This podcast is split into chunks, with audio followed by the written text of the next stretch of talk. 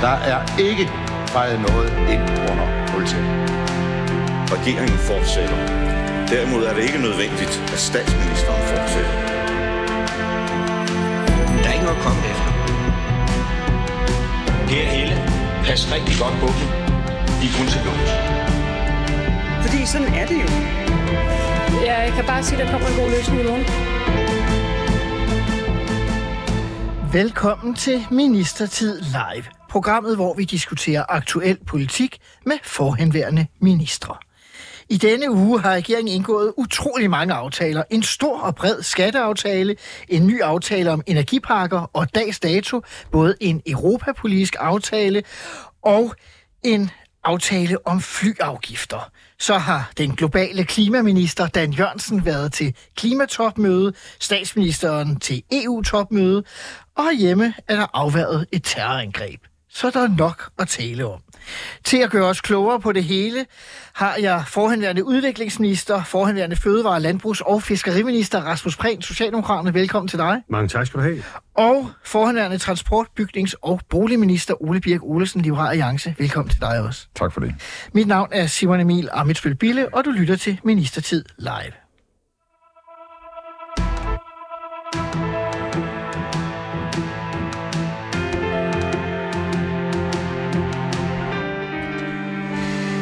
Men Rasmus Prehn, inden vi rigtig går i gang, så har du jo udgivet en bog.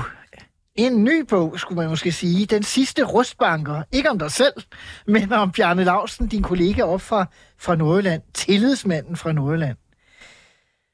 Når man læser øh, om bogen, jeg har ikke haft fornøjelsen af at læse den øh, endnu, så øh, lyder det til, at det nogle gange kan være svært at være uenig med den socialdemokratiske partitop.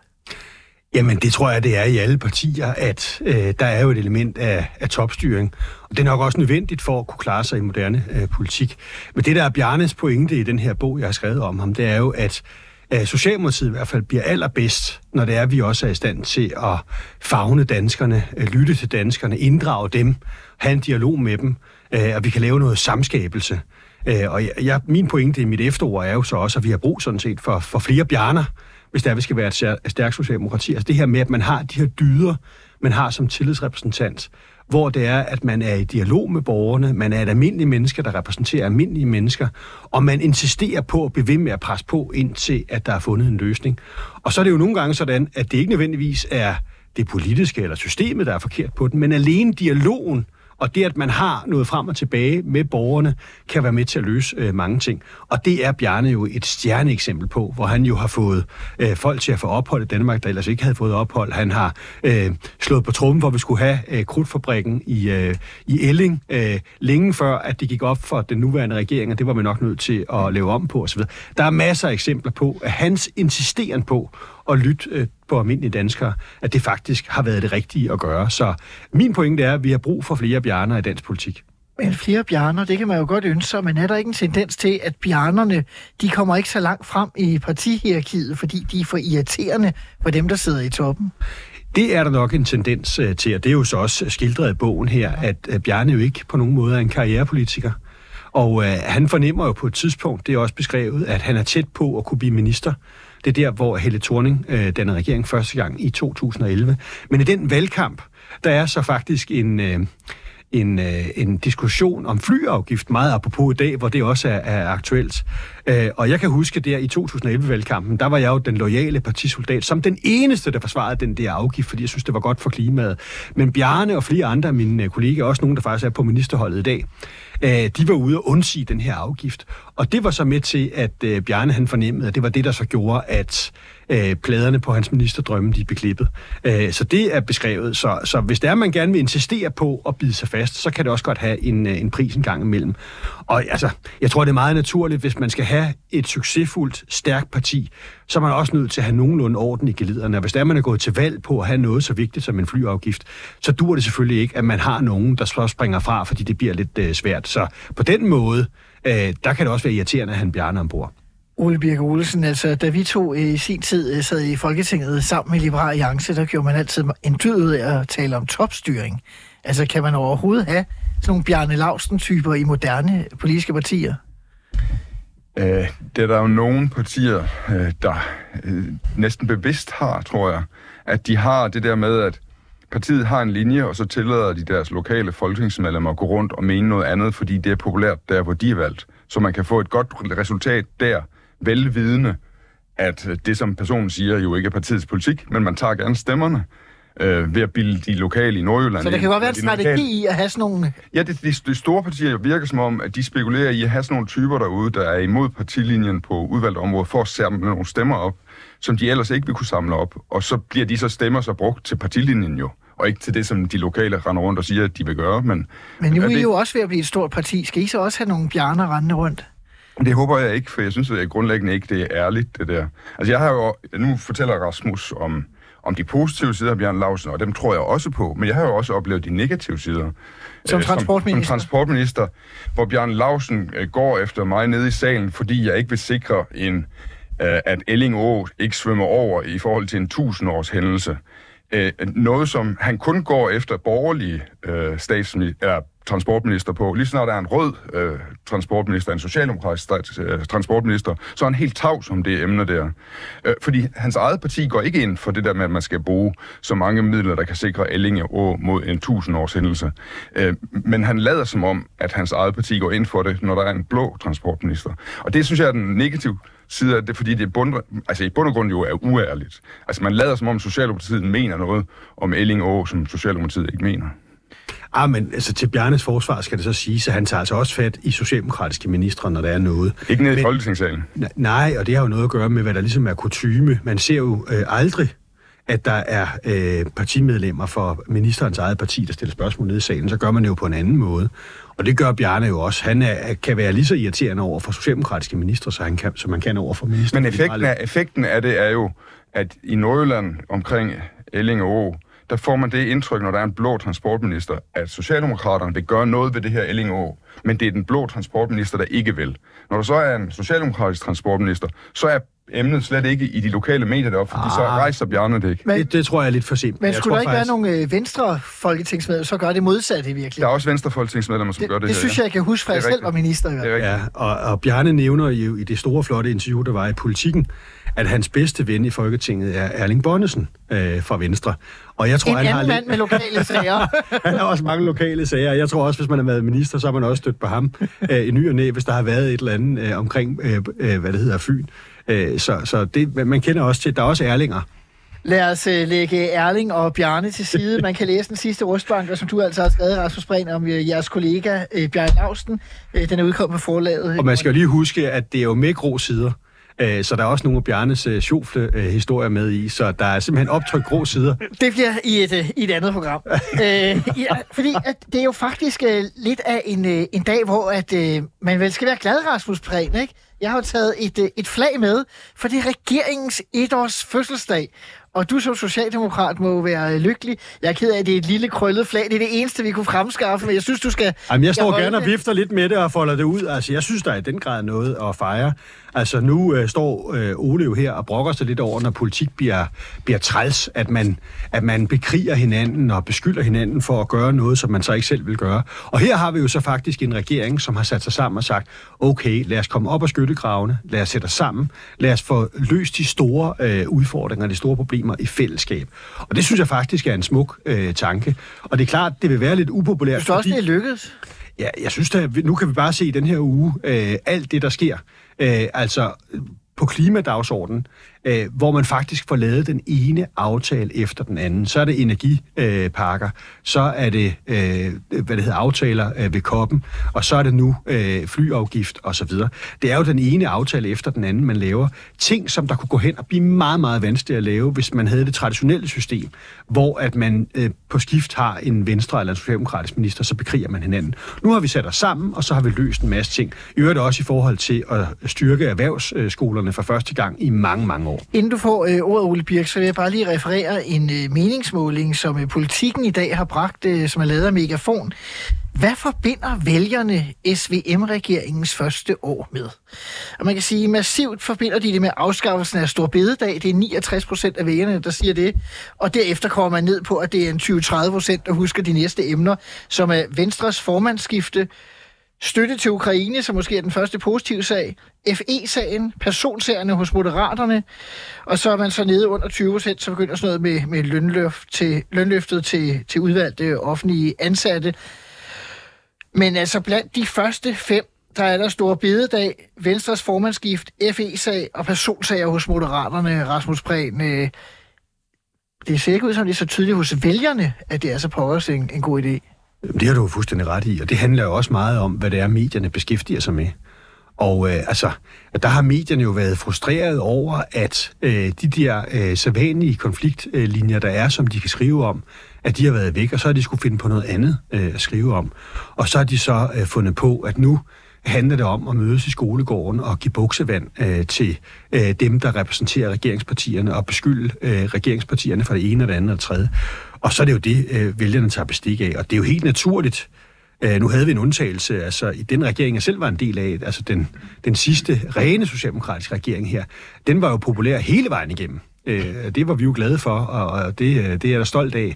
Men ellers, det var jo en undtagelse. Det er jo helt normalt, at når man har en regering, så er den temmelig, temmelig upopulær øh, lige øh, efter valget. Jo nærmere man kommer et valg, så finder vælgerne ud af, hold op, der er faktisk sket meget, det er egentlig ikke helt så tosset. Men der er faktisk øh, en professor på Københavns Universitet, der har gennemgået meningsmålinger i alle OECD-lande de sidste, jeg tror det er 35 år, og der viser det sig faktisk, at SVM-regeringen klarer sig historisk dårligt inden for klubben af rige lande øh, i forhold til... Hvor, Men nu har vi jo lige hørt Ole Bjerg Olesen sige, at man skal ikke lægge politik efter øh, altså tusindårs øh, begivenheder. Øh, og det, det er, altså, der er selvfølgelig dårlige målinger nu, det kan jeg jo slet ikke løbe fra, og det er træls, og vi ville da gerne have, at de var bedre. Jeg tror nu på, at de skal, godt, at de skal nok gå hen og blive rigtig gode, øh, når det er, at vi nærmer os et valg. Ole Birk Olsen, er det mediernes skyld, at SVM-regeringen øh, har det dårligt? Nej, altså, det er selvfølgelig øh, SVM-regeringens skyld, øh, fordi den satte sig selv i søen med den begrundelse, at den skulle gøre det, som Jean-Claude Juncker har beskrevet, at han, skrev, han sagde på et tidspunkt, den tidligere EU-kommissionsformand Jean-Claude Juncker sagde, Øh, vi ved godt, hvad vi skal gøre, men vi ved ikke, øh, hvordan vi skal blive genvalgt, når vi har gjort det. Og der sagde den her regering så, der sagde den her regering så, øh, vi ved, hvad vi skal gøre, og, og nu går vi sammen om at gøre det selv, fordi nu er Venstre i regeringen sammen med Socialdemokratiet, og så kan de to statsministerpartier, de kan ikke ligesom spille på, at de andre bliver upopulære. Nu kan vi gøre tingene sammen for at komme udenom Jean-Claude Juncker-citatet. Og så er det bare ikke i min optik, og jeg tror de fleste menneskers optik, ikke en regering, der rigtig gør så meget. Øh, det, der har været nogle enkelte øh, lovforslag om, om øh, Storbededag og Koranlov osv., hvor regeringen har gjort noget, som ikke var entydigt øh, populært, og måske endda var upopulært, øh, især det med Storbededag. Øh, og ellers så har den ikke rigtig brugt øh, sit flertal til at gøre de nødvendige, men upopulære ting. Altså dens eksistensberettigelse, det som den selv har sat som sin eksistensberettigelse, er udfordret, synes jeg. Og det tror jeg, vælgerne har opdaget. Altså, det kan man jo sige, de har. Øh, Gallup, Berlingske Tidene, har også lavet en måling i dag, øh, hvor man spørger, øh, er du enig eller uenig i, at SMV-regeringen bør fortsætte efter næste valg? Og hvis man ser på vælgerne øh, totalt, øh, så er det lidt over 20 procent af vælgerne, der mener, at øh, regeringen skal fortsætte. Så, så noget skal man vel gøre, øh, Rasmus Breen? Det synes jeg jo så også, man gør. Øh, nu har vi jo ridset de resultater op, der bare har været i den her uge, og hvis vi går længere tilbage, så er der endnu flere. Og når vi nærmer os øh, øh, valget her om, øh, om tre år, jamen så vil der være et billede af, at der har været en regering, som har tur at tage øh, livtag med nogle meget, meget svære problemstillinger, og faktisk er kommet i mål øh, med det. Og husk på, øh, altså, øh, hvis vi skruer tiden lidt mere end et år tilbage, altså lige før sidste folketingsvalg, der var jo også temmelig dårlige meningsmålinger til Socialdemokratiet, og der var et billede af, at jamen lige om lidt, så får vi øh, Jakob Ellemann som, som ny øh, statsminister, hvis ikke det er Søren Pape. Øh, og alligevel så gik det jo anderledes til, til valget, fordi at når folk først står i stemmeboksen, så stemmer de jo på, hvad de er trygge ved, hvor der er en sikker hånd på rettet, og ikke et eller andet øh, fantasteri. Og hvis vi kigger på oppositionen i dag, der er to forskellige, så er det svært at forestille sig, at de kan blive enige om ret meget.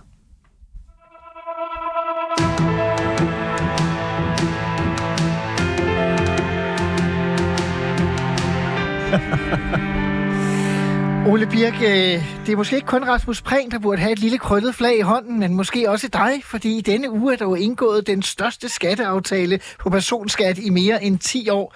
Og det øh, forbinder man jo ellers skattelettelser med Liberal Alliance.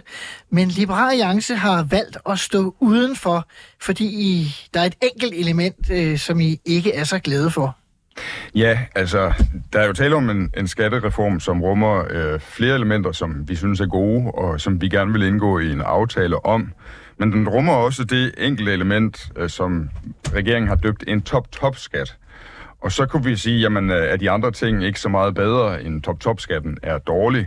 Og der har vi så bare lavet den subjektive vurdering, at top-top-skatten er øh, dårligere end de andre elementer er gode. Øh, ikke på kroner og øre, men på den symbolik, der ligger i det, og den motivation, der er i den, og den retning, den peger i for Danmark. Fordi i vores optik er top-top-skatten et spørgsmål om, at man øh, uden øh, nogen øh, egentlig grund, som har at gøre med, at man skal have penge i statskassen, eller man vil sikre noget, der er øh, et rimeligt hensyn, så opkræver man nogle penge hos det, som vi har døbt øh, de rige svin, øh, fordi de skal have nogen på låget, fordi det er nok populært hos dem, der ikke er rigsvin. Din forhenværende partileder, Anders Samuelsen, han sagde altid, når han talte om skattepolitik, jeg er ligeglad med de rige. Er I begyndt at gå mere op i de rige? Nej, vi går op i værdier og principper. Øh, jeg synes, at vi altid har forsøgt at kommunikere i værdier og principper i Liberale Alliance, men vi synes, jeg synes, vi lykkes bedre med det i de senere år, end vi gjorde tidligere. Det kom tit til at handle om om sådan noget med metal og hvad, what's in it for me og sådan noget. Og så har vi så prøvet at, at kommunikere mere i værdier. Og, og her er der nogle værdier, der er indover. Øh, I vores optik handler det her om misundelse. Og det handler om, at man ikke under dem, der, gør en, der har gjort noget ekstraordinært, at de får en belønning ud af det, som så også er ekstraordinær. At der, sådan, der går noget, sådan noget indre svinehund i det, og, og, at vi, og, og at man ved at føje det her, så føjer man den indre svinehund. Og det vil vi ikke være med til. Især øh, Venstre, og måske især øh, Venstres Janne e. Jørgensen, har været efter jer og sagt, at øh, nu er I oppe i træet igen. Jeg tror nærmest, Venstre kører ting på Somi, hvor de taler om det en række øh, fremtrædende profiler, og enkelte ministre endda også.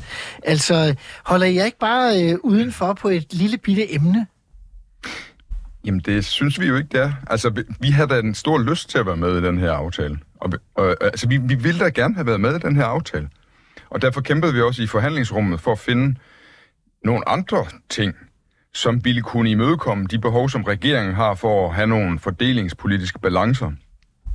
Men det ville regeringen ikke, øh, selvom vi, de ting, vi foreslog, ville kunne gøre det samme, så var regeringen insisterende på det der med top-top-skatten.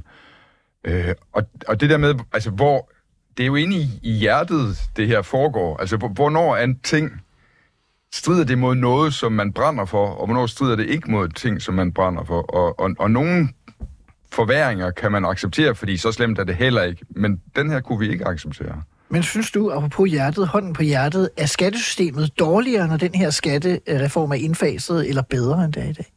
Det er meget, det er meget svært at sætte på formel. Altså, det er jo blevet, når man ikke kan lide topskat, som vi kan, så, så er det jo bedre, at den er blevet, topskatten er blevet halveret for en stor del af topskattebetalingen. For 15 til 7,5 procent, ja. Og når man også synes, at dem, der øh, har lavere arbejdsindkomster, burde kunne få lov til at beholde noget flere, så er det også godt, at beskæftigelsesfradraget øges. Men så kommer det der andet der, som rummer alle de der øh, værdier, som vi synes er, er altså for at sige lige ud, vi synes, det er ulækkert, det der foregår. Vi, vi, har, vi har vemmelsen ved at se nogen, der der, synes, det skal vi gennemføre det her, fordi øh, de der rige, de skal også have nogen på låget, og dem, der ikke er rige, de skal føle en tilfredsstillelse derved.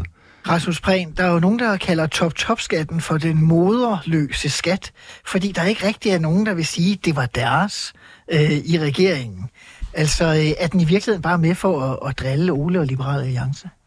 Nej, det tror jeg ikke. Øh, jeg tror, det er for at have en, en solidarisk balance, øh, og man har været enige om, at helt almindelige hårdarbejdende mennesker skal slippe lidt billigere i skat, øh, for det er også fordi, vi har brug for arbejdskraften, altså der skal være et større arbejdsudbud. Og så for at der skal være øh, sådan lidt balance i tingene, så har man så sagt, dem, der tjener aller, allermest, øh, de skal så bidrage med noget mere. Og jeg synes jo, når man hører Ole Birk, så bliver det sådan lidt noget ideologisk jungledans. Altså, hvor at det er en hel masse øh, med at fremhæve et eller andet øh, ideologisk, frem for at kigge mere lavpraktisk på det. Øh, hvis man ved, at Danmark mangler arbejdskraft, og hvis man ved, at mange almindelige hårdt arbejdende danskere synes, ah, det kan godt være lidt stramt med den skat, der skal betales, så er der jo simpelthen så mange Man gør, ting. man gør top-top-skatten noget for at, at forbedre det. Jamen, man skal virkelig tjene mange penge, før man kommer i den her. Og jeg tænker, øh, det der nok kommer til at ske, det må vi så se. Men altså, der vil formentlig være rigtig, rigtig mange, der tilrettelægger deres øh, løn, sådan at de ikke kommer til at betale øh, den her top-top-skat. Øh, og så kan der være nogen, der siger, okay, jeg betaler faktisk min skat med glæde. Det er der faktisk overraskende mange, øh, der gør, eller imponerende mange, og det er jo dejligt og godt, fordi vi lever i et solidarisk samfund, der så siger, okay, selvfølgelig betaler jeg det, det er da rimeligt nok. Jeg tror ikke, at folk er så ideologiske, som, som Ole er her. Men man er blevet enige om, at når man øh, laver de ændringer, man har her, så giver det mening også at sige til dem, der tjener allermest, prøv at høre, vi har et solidarisk bidrag her. Men, Og men, det- men det når vi kommer fem år, fem år frem, Rasmus Prehn, tror du så, at top-top-skatten har været en god øh, investering for den danske stat, eller en dårlig investering? Jamen, det, det er jo hypotetisk, og, og man kan ikke spå om fremtiden. Øh, så det må vi øh, se på. Jeg konstaterer Du, bare... du tør faktisk ikke engang sige, at du tror, det bliver en god forretning for Danmark. Jamen, det er, altså, jeg er ikke skatteordfører, eller jeg er ikke uh, skatteekspert på nogen som helst måde. Så det er simpelthen forudsætningsløs i forhold til at udtale mig om. Det, jeg bare kan se, det er, at der er virkelig mange øh, gode ting her. Altså beskæftigelsesfradrag, beskæftigelsesfradrag til enlige, der er noget for seniorer. Men alt det vil Ole. Birk vel også være enig i. Ja, og det er også derfor, det er ærgerligt, at han ikke er med. Altså, fordi når det er, at man kan se, at man kan... Øh, altså, øh, 9 ud af 10 punkter, der er man enig. Og så fordi der er én ting, hvor man så synes, ah, den er lidt ærgerlig, så står man øh, og laver jungledans. Det synes jeg simpelthen er for ærgerligt. Men sådan en situation har vi jo alle sammen stået i øh, på bestemte tidspunkter. Altså, så er der en aftale, hvor øh, man kan lide øh, 9 ud af 10 ting, og den ene ting, man ikke kan lide, den er simpelthen så principiel og så betydningsfuld, og, så, og fylder så meget, at det ikke opvejer de ni andre ting. Mm. Det, sådan, der har Socialdemokratiet også stået tidligere, tror jeg. Men det er jo også fair nok, og heldigvis er der jo bred opbakning til den her skattepolitik. Og så tænker jeg, så længe at de gode ting, det er nogen, der, der virker, og folk bliver glade, jamen så skal vi da glæde os over det. Så kan der være, at der er nogle ting, hvor man tænker, hold da op, det skulle vi have skruet sammen på en anden måde. Så må man tage det derfra. Det er jo nok ikke første gang i dansk politik, hvis man har lavet et eller andet, hvor man tænker, det kunne godt have været bedre. Du lyder som om, du vil græde tørre tårer, hvis øh, Ole Birk en dag får øh, held til at afskaffe top-top-skatten igen. Men jeg synes, det er solidarisk rigtigt. Øh, og hvis jeg selv øh, øh, skulle komme i en situation, hvor jeg havde råd til det... Hvis Rustbankerbogen sælger så godt, Nej, fordi der har vi jo dedikeret overskud øh, til, til lærlinge i Nå, undskyld. Så der har jeg jo helt frivilligt indført en 100% top, top, top, top, top skat på mig selv. Så alt, hvad der kommer af indtægter til Bjarne og jeg på den der, det Ja, går til nok. lærlinge. Så, øh, så hvis jeg nogensinde kom i den situation, at jeg tjente de der over 2 millioner kroner, eller meget det er, jamen, så vil jeg betale den skat med glæde. Det er jo et andet overskud, du går efter med den bog. Du går efter det overskud af stemmer, som bliver ledet i Nordjylland, når Bjørn Lausen, som er 70 år i dag, ikke længere stiller op til Folketinget.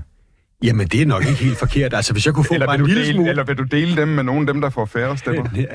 Altså, lige i øjeblikket er der ikke rigtig nogen, der får færre. Nej, for du så jeg, jeg er den, der har mest brug for du dem. blev valgt som nummer 50 eller sådan noget. Så jeg har jo virkelig brug for de stemmer der, så du har ret, øh, Ole. Øh, men jeg deler gerne med, med andre. Bjarne har fået mange, øh, så hvis jeg bare kunne få en lille andel, så vil jeg være virkelig glad.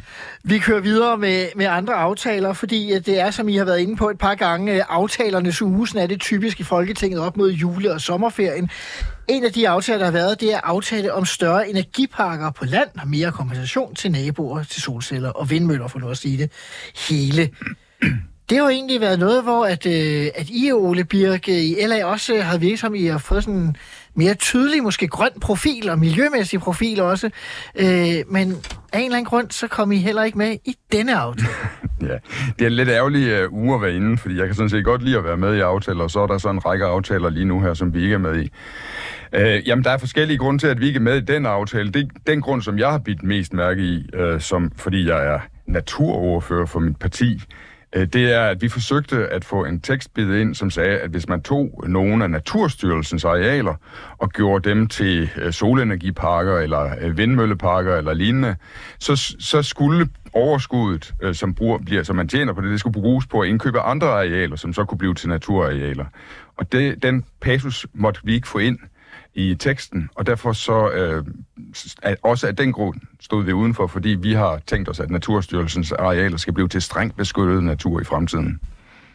Og Rasmus Prehn, du synes selvfølgelig, det er en god aftale.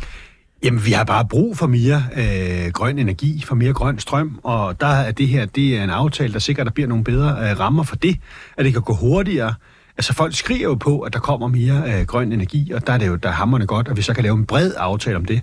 Altså, og, og der er jo flere forskellige partier med. Igen ærgerligt, at Liberal Alliance ikke vil være konstruktiv og være med til den grønne omstilling. Men er det ikke en meget god idé, Ole Birk egentlig har her? Altså, at hvis øh, man tager øh, nogle arealer ud, øh, som er Naturstyrelsen har i dag, så skal man enten sørge for at få større arealer, eller mere øh, naturskønne, eller værdimæssige arealer øh, ind. Jeg er i hvert fald enig så langt, så det at have naturområder, der er dedikeret til natur, det er øh, positivt. Og det har øh, både den her regering, men også den tidligere socialdemokratiske regering, jo slået rigtig meget på trummen for os med naturnationalparker og andet, hvor vi sikrer biodiversitet, mere rigt dyreliv osv. Øh, jeg har jo ikke siddet i de forhandlinger og har vidst, hvorfor det var, at Ole ikke kunne få den der tekst øh, bid ind.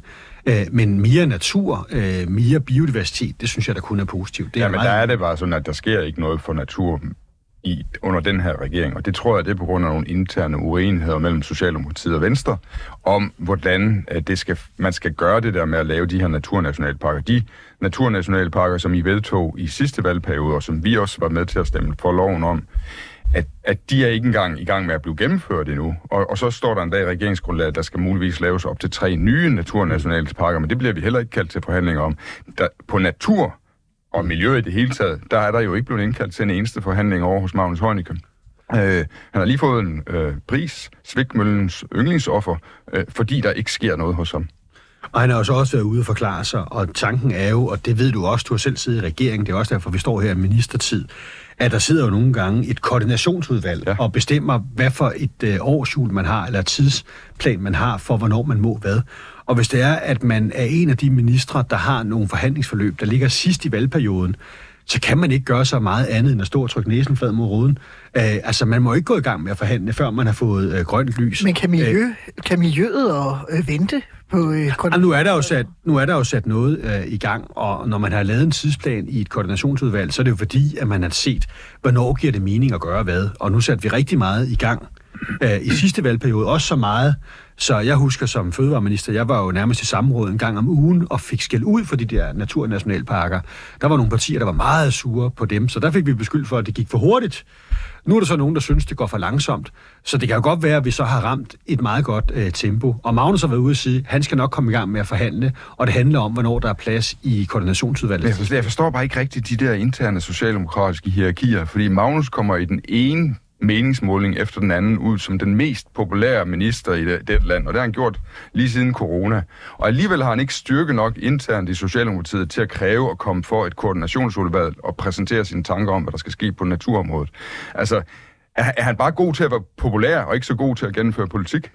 Ej, det synes jeg er lidt for... for øh, det, det, det er tageligt sagt, det der. Fordi du ved jo godt, at det, når man laver en tidsplan, så handler det jo ikke om, hvem der har mest charts, eller hvem der... Jo.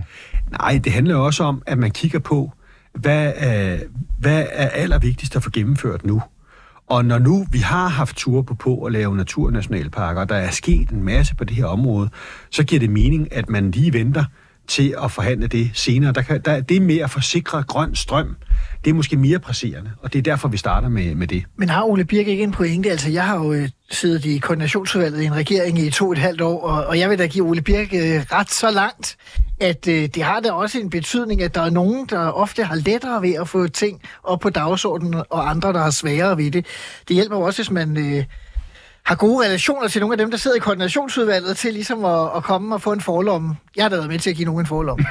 Ja, altså jeg, jeg har også oplevet, at det er noget nemmere at være finansminister, end det er at være fødevareminister, vil jeg nok sige. Altså sådan er det jo. Øh, og, og, og, det er jo klart, fordi finansministeren sidder i koordinationsudvalget i sig og selv så, ja, også, og så videre. Ja, og økonomiudvalget er formand, ikke også? Ja. Så det, altså, hvis der er, man selv har en interesse i det, så er man måske lidt mere øh, og Nu talte jeg ikke om, at jeg havde, men, men der var måske andre, øh, jeg kunne hjælpe Ole ja. eller en anden med at få en sag op. Men er, I, er, er du og Magnus, I er jo i den samme kaffeklub, så det er sådan noget, I har hos Socialdemokraterne. Og Magnus er leder af den kaffeklub. Øh, Simpelthen. Er, er, er det simpelthen en forkert kaffeklub at være i, hvis man skal have noget gennemført hos Nikolaj Vammen og uh, Mette Frederiksen, som er i to andre kaffeklubber? Nej, overhovedet ikke. Og vi har masser af indflydelse, og nu er der jo lige blevet lavet et nyt, meget prestigefyldt øh, grønt øh, udvalg, hvor Magnus øh, er med og kommer til at sidde og, og svinge takstokken i forhold til både øh, klima- og miljøinitiativer. Så Magnus har masser af indflydelse og en stærk minister, og det er også derfor, han er så, så populær, som han er. Jeg kunne da godt ønske mig, at han fik endnu mere indflydelse. Det skal jeg da gerne sige. Øh, og der er jo nogen, der altid har mere, og nogen, der har mindre. Men Magnus har meget indflydelse. Nå, men vi fortsætter lige. Øh, for at gøre Ole en tjeneste, så afrunder vi øh, emnet om aftaler, Liberale Alliance ikke er med i. Øh, og tager dermed øh, flyafgiften fra i dag øh, som den sidste. Måske ikke den aftale, der er bedst til at illustrere det, du sagde, øh, Rasmus Prehn, om, at, øh, at man kan lave andre ting, fordi der er en bred regering. Fordi denne, regering er, eller denne aftale er alene lavet med SF og Enhedslisten. Mm. Øh, om en differentieret flyafgift for Det er jo også bredt, fordi vi så har... Har Venstre og Moderaterne med, ja, fint. Det er faktisk Øh, meget bredt. Men den kunne nok også være lavet af en socialdemokratisk mindretalsregering, tænker jeg. I 2030 vil afgiften være på 100 kroner per rejse, øh, og primært det skal provenyet gå til forhøjelse af ældrechecken. Der er så også penge, der går til grøn omstilling. Og jo, men primært øh, til forhøjelse af ældrechecken. Det har blandt andet været kritikken fra de radikale. Mm, Øh, er det ikke lidt noget fik om det, kan man ikke øh, alene bruge det til den grønne omstilling? Altså, afgiften har jo det formål, at den skal være med til at øh, få folk til at tænke over, er det nu nødvendigt at tage øh, flyveren, eller kan jeg tage mit møde virtuelt i stedet for? Altså, jeg har selv en, en, en meget, meget dygtig og sød ekskone, som er på Aalborg Universitet, og hun har hulens mange møder i København. Og mange gange, så skal hun så øh, starte elbilen op, køre ud i lufthavnen, flyve til København, være til møde. Øh, og der kunne hun godt tage nogle af de møder virtuelt, hvilket hun også øh, gør. Øh, og hvis det er, at der er en afgift, der gør, at det bliver lidt dyrere, så vil der være nogen, der tænker, ah, skal vi lige lægge nogle flere møder på den her måde? Det er jo det, er jo det der ligesom er pointen. Hvad pengene så går til? Øh, ja, altså, øh, der kan man da godt ønske sig, at der går så meget som muligt til grøn omstilling. Nu går der en portion til det her, men vi har så en regering, der har synes, vi synes ærligt talt, at øh, dem, der har mindst blandt de ældre, de fortjener at få lidt mere. Så vi har også fundet nogle penge til det. Og det er jo pragmatisme.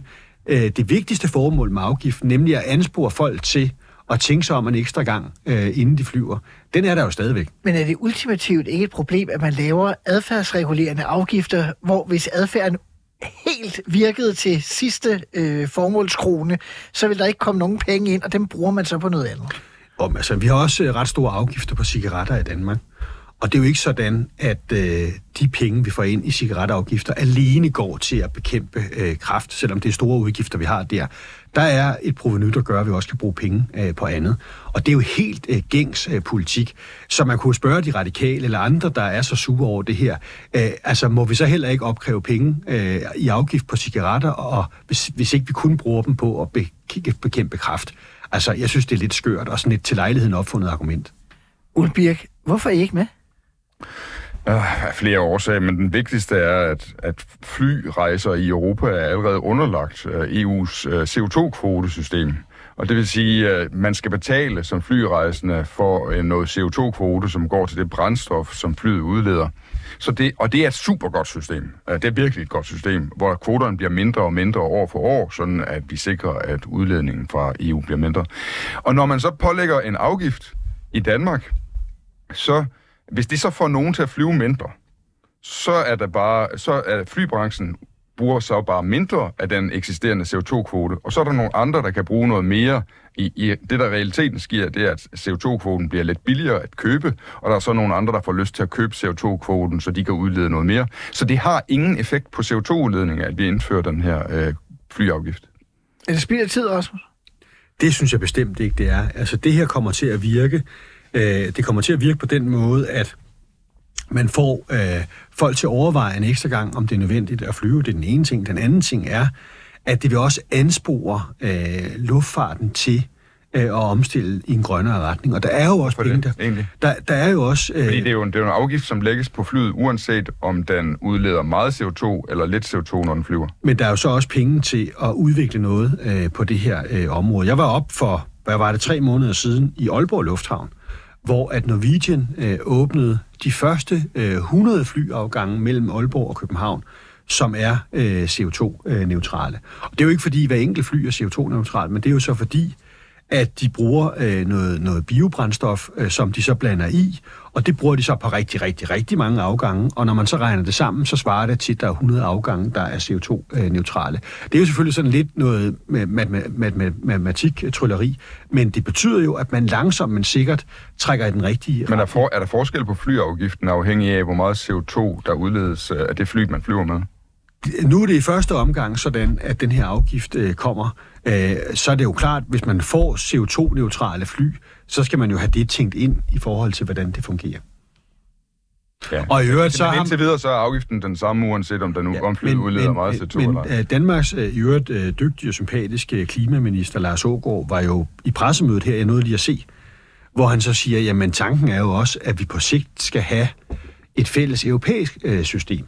Og når vi kommer, og Danmark forhåbentlig har været first movers i forhold til at sikre, at vi får øh, grønne flyafgange, jamen så skal vi også have en fælles europæisk øh, afgift. Altså, vi er jo et af de seneste lande, der får det her. Øh, men hvis vi nu kunne få noget, der var det samme for hele EU, så er det også mere fair øh, konkurrence. Og så er det da oplagt at tænke ind, har du fly, der flyver øh, med en mindre påvirkning for klimaet, så skal de da have en lavere afgift end dem, der har med en stor. Det vil være naturligt at tænke ind i forbindelse med det. Men er der det er vi jo ikke men, endnu. Men, men er det ikke rigtigt, at når det er inden øh, øh, for kvotesystemet øh, i EU, så er det jo faktisk først, når man får en fælles europæisk løsning, at det har en effekt for klimaet samlet set? Ej, det kommer jo til at have, altså hvis det er sådan, at du har nogle danskere, der vælger at tage toget i stedet for flyet, eller vælger at tage et virtuelt møde i stedet for flyet, så har det jo helt konkret en klimagevind. Men vel ikke, hvis der er andre, der så må forurene, eller undskyld, udlede det mere CO2? Det kan du sige, øh, men øh, alle lande har jo en afgift øh, øh, efterhånden, og det har jo den effekt, at man ansporer folk til at tænke sig om, inden de flyver. Så kvoten, det er noget andet. Øh, Men, men afgiften... er vel afgørende for, om det har en effekt? Nej, altså effekten, hvis alle lande indfører en, en flyafgift, eller har en flyafgift, det er, at folk flyver lidt mindre, end de ellers ville have gjort, og den CO2, som den, det mindre CO2-udledning, der kommer af, at de flyver lidt mindre, det kommer så bare fra nogle andre brancher, som så har CO2-kvoten til rådighed for dem. At Men de heldigvis så sætter vi jo ind hele vejen rundt. Og det kan jo godt være, at man skal kigge på det kvotesystem på et eller andet tidspunkt, det vil jeg slet ikke udelukke. Men afgiften vil jo alt andet lige på det konkrete have den effekt, at der bliver lidt mindre af, fra, af det. Fra fly, men så mere et andet sted. Ja, med mindre er der også afgifter de andre steder, og der har vi jo der har vi altså, afgifter også inden for industrien, og nu taler vi om, at vi skal have afgifter inden for, for landbruget også osv., så, videre. så vi er jo i gang med at dæmpe CO2-belastning, for vi må bare være enige om, at det med klimaforandringer, det er et af de allervigtigste politiske emner i de her år, og vi er nødt til at levere på det. Rasmus, du sagde i indledningen af programmet, at en af de mange aftaler, regeringen kunne være glad for i denne uge, det var også, at øh, den globale klimaminister Dan Jørgensen, han har øh, indgået, øh, været med til at indgå øh, COP-aftale. De her møder, som danskerne sikkert øh, kender helt tilbage fra COP15 i København, eller det COP28, der nu har været nede i de forenede arabiske øh, emirater. Man taler om det historisk, fordi man nu øh, siger, at man taler om de øh, fossile brændstoffer, men det er jo stadig sådan lidt øh, uldent, ikke? Altså, at øh, man skal komme ned på, øh, på et netto 0, tror jeg, man kalder det i 2050. Men der står ikke helt, at der ikke skal være fossile brændstoffer på det tidspunkt. Der har også været forskere ude at sige, ah, så meget betydning får nok heller ikke for, om det bliver halvanden eller tre grader øh, stigning, vi kommer til at se. Det er jo altid udfordringen, at så mange forskellige lande skal sætte sig sammen, og man ovenikøbet også har olieproducerende lande med. Øh, den her gang også som, som vært øh, ved mødet, ikke? Og så kan man jo godt øh, sætte sig og sige, hold da op, det er da totalt uambitiøst. Og hvis man kigger på, hvad vi som danskere havde på vores øh, palette, hvad vi som EU øh, havde på paletten, hvor vi vil have en, en udfasning af det her, jamen så er det jo en, en, en begrænsning, der er lagt op til, og det er jo ikke det, vi havde ønsket. Vi ville gerne have været mere ambitiøse. Men det ligger jo i øh, kompromisets natur, at øh, hvis man skal have alle med, så må man mødes et eller andet sted. Og det er jo bedre at have alle med til at gøre noget, end at vi kan sidde nogle få frels til at gøre en hel masse. Altså, vi skal helst have så mange med som muligt. Så det, at man har fået folk med ombord, det ser jeg som et øh, skridt i den rigtige retning. Og der kan man godt være dommedagsprofet profet og skælde ud. Og jeg hørte, jeg tror det var på BBC, jeg hørte, at der var en, en klimaaktivist, der stod og var meget forarvet over, at man fejrede det her. Og hun synes, det svarede til, at man øh, fejrede blomsterne ved sin begravelse. Øh, altså rimelig hårdt øh, sagt, øh, meget illustrativt og der synes jeg ikke, vi har brug for de her dommedagspersoner. Vi har brug for at gøre så meget, vi kan konstruktivt, øh, og prøve at få rykket på det her. Og vi vil gerne have været mere ambitiøse. Vi bliver ved med at minde om, at det skal være mere. Men at melde sig helt ud af kampen og bare lægge sig til at dø, det er for fjollet, synes jeg. Ole Birk, en historisk aftale. Skal, skal du overtage flaget igen?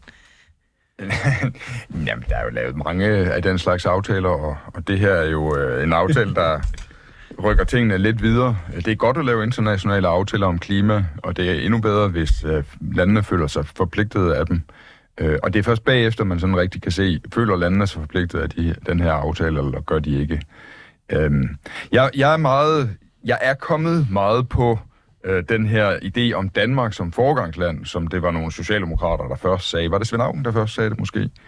Øh, det var i hvert fald, øh, mens han var minister, at det var slogan. Ja, ja. At, at, at, at hvis vi i Danmark kan vise, hvordan man kan gøre det her, at så er det inspirerende for andre lande, at øh, når man kan gå den her vej, og det vil også øh, udløse, at befolkningerne i andre lande siger til deres ledere, øh, gå den vej. Øh, Danmark har jo vist, at det kan lade sig gøre. Så så det tror jeg egentlig måske nok mere på, end de der øh, kli- internationale klimaaftaler, men, men, men lad os se. Dan Jørgensen er ikke den eneste, der har været til topmøde. Mette Frederiksen er jo også til topmøde, eller har været øh, i EU. Mm. Øh, man har besluttet, at øh, nu skal der åbnes optagelsesforhandling med Ukraine og Moldova, og man har givet kandidatstatus øh, til Georgien. Men det skete jo på sådan en meget øh, speciel øh, måde. Formandskabslandet øh, Ungarn øh, deltog ligesom ikke, da man traf øh, beslutningen. Ole Birk, har man dermed i virkeligheden fået flertalsafgørelser øh, om udvidelser i EU? Uha, det er godt nok, ja, det er nok ikke den rigtige at spørge om, om det. Øhm, men det. Men der har jo måske været en eller anden form for, for pres på Ungarn. At, det ser det ud til. Hvis I stemmer imod det her og forhindrer, at vi kan gå den vej, så, øh, så vil I blive ildebehandlet i andre sammenhænge. Og så har de så valgt den løsning, at de har bare ikke har været til stede. Øh, ja, det kan du vel godt kalde det, at det er en, øh, en indirekte vej til øh, flertalsafgørelse på det her område. Eller også så er det bare et enkeltstående tilfælde, hvor, øh, hvor Ungarn... Øh, ja, men det, altså, der er vel også et eller andet, altså i den her sag handler det vel også om, at det ungarske styre og øh, Orbán er sådan lidt en behendighedskunstner. Altså hvor at man gerne øh, vil holde sig lidt på god fod med, med Putin, øh, men man vil også gerne være med i EU og have de øh, økonomiske tilskud, der er der. Øh, og øh, EU kigger så det på den måde, at Øh, alternativet til at have Ungarn med i EU er jo, at øh, de forsvinder helt ud og kommer helt i lommen på, på Putin. Det har vi nok heller ikke lyst til. Øh, og så øh, kan man så med nogle af de økonomiske modeller, der er det ene med det andet, anspore ham til at finde pragmatiske løsninger. Så jeg tror mere, det er, øh, nu er det så tilfældigvis dem, der har formandskabet, der var brug for at få taget den her Fordi det roterer hver halve år. Det roterer ja. hver halve år og alt det her, så det ligger jo fast. Og, og der tror jeg mere, at det er øh, altså simpelthen en, øh, en lavpraktisk håndtering øh, af en udfordring, der har været mere end det er en ny øh, tendens. Men det illustrerer jo, hvor svært det er, når man har lande inden i EU, som lige pludselig begynder at, at flytte med nogen, vi ikke har lyst til, at de flytter med. Man kan sige, at Danmark og mange andre øh, lande havde folk øh, armene op over det her, men øh, senere så kom Ungarn tilbage i lokalet igen, og så nedlagde de så veto i forhold til, at man kan give den lovede og forventede milliardhjælp til ukrainerne. Altså, det kan jo godt være, at, man tager det på, at det kan være godt at have dem indenfor, men er det ikke et problem, hvis vi ikke kan holde Ukraine stærk nok, at russerne kommer tættere på, øh, på vores andres grænser i fremtiden?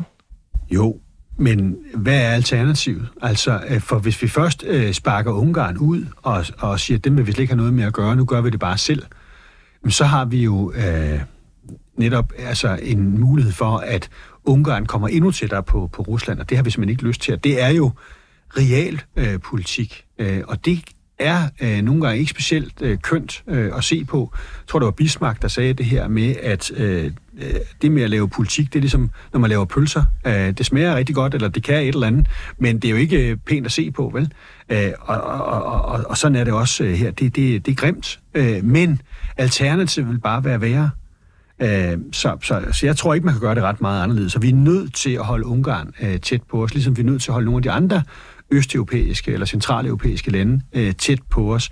Fordi alternativet er, at de kommer i, i seng med Putin, og det har vi simpelthen ikke øh, brug for. Ole Birke, det er også øh, noget af den øh, logik, der gør, at øh, Liberal Alliance faktisk har indgået en aftale i den her uge. Nemlig øh, i dag er der indgået en ny europapolitisk aftale, hvor øh, I var med, og det er vel skal jeg se, om jeg tager fejl, og så må du øh, sparke mig under øh, over skinnebenet. Er det ikke den første europapolitiske aftale, øh, Liberal Alliance? Nej, jeg var lidt i tvivl. Øh, og det er fordi uh, Ny Alliance var med Det er rigtigt, Ny Alliance var med. Det er en rigtigt. europapolitisk aftale, og, øh, og det er jo den, der har været i vores partis levetid. Øh, jeg, der har ikke været et, et mellemforløb, hvor der var en europapolitisk aftale, som vi ikke var med i. Vi har været med i dem, der har været. Når Man der... havde en europapolitisk aftale op til folkeafstemning om retsforbeholdet, tror jeg nok, men Øh, det kan være, at det var en sideaftale af. Jamen, det kan, jeg ikke forstå, det kan jeg ikke forstå, fordi at vi er blevet betragtet som, Som et, et, som et, et forlisparti eller et aftaleparti i den her sammenhæng, og blev derfor inviteret ind. Fair nok. Øhm, jamen altså... Øh, vi er sådan set ikke... Altså, vi har, ja, I min optik har vi aldrig været i tvivl om, hvor vi ligger politisk i forhold til EU. Vi har nogle gange Øh, haft problemer med at forklare folk, hvor det er, vi ligger. Altså, at folk har haft nemmere ved at forstå, at der er nogle partier, som er for EU, og de er så for alt, der kommer fra EU. Og så er der nogle andre partier, der er imod EU, og de er så imod alt, der kommer fra EU. Og vi har ligget sådan øh, et andet sted, hvor vi har sagt, jamen vi er for, brændende for, at Danmark er medlem af EU. Men det er ikke alt, hvad EU laver, som vi kan bakke op om, og vi er sådan set glade for nogle af forbeholdene, især i forhold til euroen. Og øh, vi insisterer også på en gang imellem at stemme imod ting i Folketingssalen, som ellers kommer fra EU, fordi vi siger, det der, det skal EU ikke blande sig i. Det strider mod EU's nærhedsprincip, og den danske regering, i stedet for at gennemføre det der, bør udfordre, at EU overhovedet kan vedtage sådan nogle regler ved EU-domstolen. Fordi øh, vi har altså en traktat, et traktatfæstet nærhedsprincip, som siger, at det, som landene kan løse selv, uden at det spiller over ind, ind i de andre lande, det skal de have lov til at løse selv. Så, så og den, det med at være øh, tilhænger, men også kritisk en gang imellem, kan være svært at forklare. Selvom der har jo også fra tid til anden været for eksempel venstremedlemmer og også socialdemokrater sågar, som var der, at de uh, var tilhængere, men de var meget kritiske. Altså Søren Gade har jo stillet op på den platform til Europaparlamentsvalg, øh, og jeg tænker også, at der er nogle socialdemokrater, der har gjort det, selvom jeg ikke lige kan komme i tanke om dem. Jamen, det er, det er i hvert fald tilbage i tiden, øh, har der været socialdemokrater, der stillet op på den socialdemokratiske liste, men også signaleret en eller anden form for, for skepsis. Og... Socialdemokrater imod EF fandtes. Nå, ja, det, det har vi haft. tilbage, ja. Nå jo, men, men vi har jo også haft socialdemokratiske medlemmer, der har stillet op øh, på Folkebevægelsens øh, liste. Altså, så helt tilbage har vi jo haft øh, et parti, der var delt lige over i forhold til det. Og nu er vi jo blevet et rimelig fuldblåen øh, Europa-positivt øh, parti, eller EU-positivt parti. Øh, men, men det er jo helt naturligt, at man kan have forskellige tilgange til det. Det skal der jo også være, være plads til. Og alle, der har beskæftiget sig bare en lille smule med EU, ved godt, EU kan en masse, men der er også ting, der er træls og mystiske og burde laves om. Ganske kort her til sidst. Vi mangler en 6-7 minutter af udsendelsen. Men i går øh, blev der anholdt en række mennesker i forbindelse med mistanke for at forberede øh, terrorangreb. Der blev både foretaget anholdelser i Danmark, også i Holland. Der er også blevet foretaget anholdelser i Tyskland. Vi ved ikke, om det har noget med den sag at gøre, men også i forhold til terrormistanke og tilknytning til Hamas. For mig ser det bare sådan det seneste af det her med, at Israel-Palæstina-konflikten ligesom kommer meget op i mm. de europæiske samfund, og også vores øh, eget øh, danske øh, samfund. Øh, der har været meget diskussion om, hvordan man skal håndtere det. Hvis man så på øh, dagen i går, var der kritik fra en række partier om at sige, Nå, men der kan man bare se, nu har vi lige vedtaget koranloven, og alligevel øh, sker det, så er det ikke nyttet. Liberal Alliances øh, Steffen Larsen, retsordfører, sagde, at man har brugt den undskyldning, at koranloven skulle beskytte danskerne, men det har jo ikke den effekt, står der her. Øh, samtidig kom øh, øh, politiets efterretningstjeneste, forsvars efterretningstjeneste, dagen tidligere, og faktisk havde sagt, at Koranafbrændinger og eftervirkninger af Hamas terrorangreb mod Israel har øget truslen fra islamisk terror mod Danmark og flere andre europæiske lande. Så hvor står vi egentlig nu? Hvad kan vi gøre for at mindske truslen mod Danmark? Jeg tror, øh, altså vi kan, gøre, vi kan fortsætte med det, vi gør i forvejen, og så er der måske noget af det, vi kan gøre mere af. der er sådan forskellige greb. Øh, vi, vi ved, at hvis vi tager mange øh, flygtninge eller indvandrere fra bestemte områder af verden, så vil der være en, en forholdsvis stor andel af dem, som er som har potentiale for at blive radikaliseret i Danmark og blive meget islamistiske. Øhm, og derfor så det der med at ligesom have, have hånd i hanke med, hvor mange der kommer til Danmark, det er også sådan det grundlæggende, øh, den, det bedste redskab til at sørge for, at vi ikke får for mange, som potentielt kan blive Øh, fundamentalistiske islamister, som kunne finde på at begå vold i, øh, i, i Allahs navn. Så er der jo bare selve opklaringsarbejdet og politiet og politiets efterretningstjenester osv., som skal, skal have de ressourcer, som er nødvendige for at kunne opdage, øh, som man gjorde her. Så er der sådan nogle øh, halvhårde ting, som handler om øh, parallelsamfundspakker og beskæftigelsesindsats og almindelig kriminalitetsbekæmpelse, som handler om at sørge for, at der ikke er et udvikler sig et samfund i samfundet i Danmark, som går rundt med sine egne mærkelige idéer og ikke er i, i forbindelse med resten af Danmark, og mener, at resten af Danmark er, består af vantro, som, som gør mærkelige ting. Men er det ikke som om, at der foregår i de her uger en radikalisering, som i virkeligheden er endnu bredere? Altså, der er jo nogle af de her synspunkter. Nu har Martin Krasnik udgivet en ny øh, bog, det er ikke ham, jeg er hentet til, altså Weekendavisens chefredaktør, øh, hvor han skriver om det her med forholdet for jøderne i Danmark og, og så videre, altså hvor presset de er. Og også at mange på den yderste venstrefløj måske i virkeligheden begynder også at flytte med, med antisemitisme i virkeligheden. Altså er vi ikke derhen, hvor vi bliver nødt til at tale om, hvordan vi også afradikaliserer bredere? Der er måske også nogle af dem, der er meget pro-Israel, der også bliver radikaliseret i deres sprog. Altså, øh, jeg er da bekymret, når jeg ser debatten på de sociale medier. Jeg kan nærmest tage mig selv i, og være ved at skrive noget, hvor jeg tænker, ah, der skal man måske lige tænke sig om. Næste Altså det virker som om, det er lidt moderne blandt nogle børn og unge, at være pro-Palæstina, og gør- der bruge nogle, nogle, nogle sloganer og nogle udtryk, som faktisk er meget anti-Israel. Altså når man siger Free Palestine, og det er så, man ved, det kommer ud af den kontekst, at det kommer fra nogle mennesker, som synes, at Israel slet ikke skal have lov til at eksistere, så er det jo lidt problematisk, at de unge og børn går rundt og siger Free Palestine for øjeblikket. Men hvad kan vi gøre, Rasmus Prehn, for at, Jamen, jeg, at jeg, ikke jeg, jeg vil sige, jeg, radikaliseret? Jeg er en til en enig i alt, hvad, hvad Ole har sagt. Altså, jeg, jeg synes, det er meget kloge ord, Ole siger. Og, og hvis man sådan skal tage den videre øh, i forhold til det her med at afradikalisere øh, ungdommen, øh, der er jo i virkeligheden brug for mere halkok, øh, for mere øh, demokrati, for mere øh, forståelse af, at man skal tale sig hen til hinanden, i stedet for væk fra hinanden. Øh, og hvordan pokker gør vi øh, det?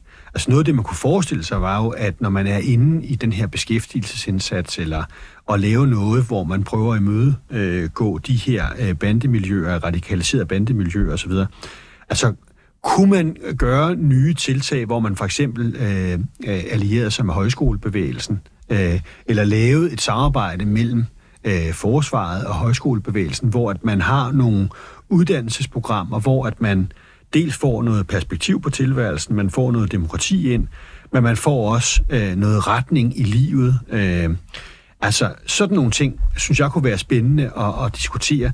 Så nogle af dem, der bruger masser af kræfter på at modarbejde demokratiet, modarbejde det danske samfund, modarbejde freden, øh, måske går og pynser på at lave terrorangreb, at de kan få et, øh, et indhold i tilværelsen, der handler om noget, der er konstruktivt og rigtigt. For jeg tror, der er rigtig mange unge mennesker, som har et skrigende behov for at få øh, et purpose øh, i livet, et eller andet, de kan brænde for, og det er bare nogle af de forkerte ting, de brænder for i øjeblikket, og det kunne man altså godt være med til at anspore til. Det bliver det sidste ord, vi får i debatten i dag. Jeg skal, ah, jeg skal lige høre Rasmus Prehn. Kommer regeringen til at fejre fødselsdag igen? Det gør den. Øh, Og jeg har set, der har været flytterier om det ene og det andet, men jeg tror, at den her regering holder helt frem til, til valget. Hvor mange fødselsdage fejrer den her regering, Ole Birk? Uh, jamen, den fejrer... Uh, nu har vi den første her i, i 23, så i 24 og 25, og så, så uh, får den ikke en, seks, en, en fødselsdag i 26. Det gør den ikke. Så den får ikke en fireårs fødselsdag. Nej. Ole Birke Rasmus Prehn, I skal have tak, fordi I vil være med i dag. Til lytterne kan jeg sige, at jeg er tilbage igen i næste uge med en ny omgang Ministertid Live. Og på søndag med en klassisk omgang ministertid, hvor det er tidligere socialminister Else Winter Andersen, der var øh, med i den sidste slutterregering i begyndelsen af 90'erne, der kommer og fortæller om, hvordan det var at blive valgt i Folketinget, og tre dage senere blive udnævnt til minister. Tak for i dag, og på genhør. Var det sådan, det var?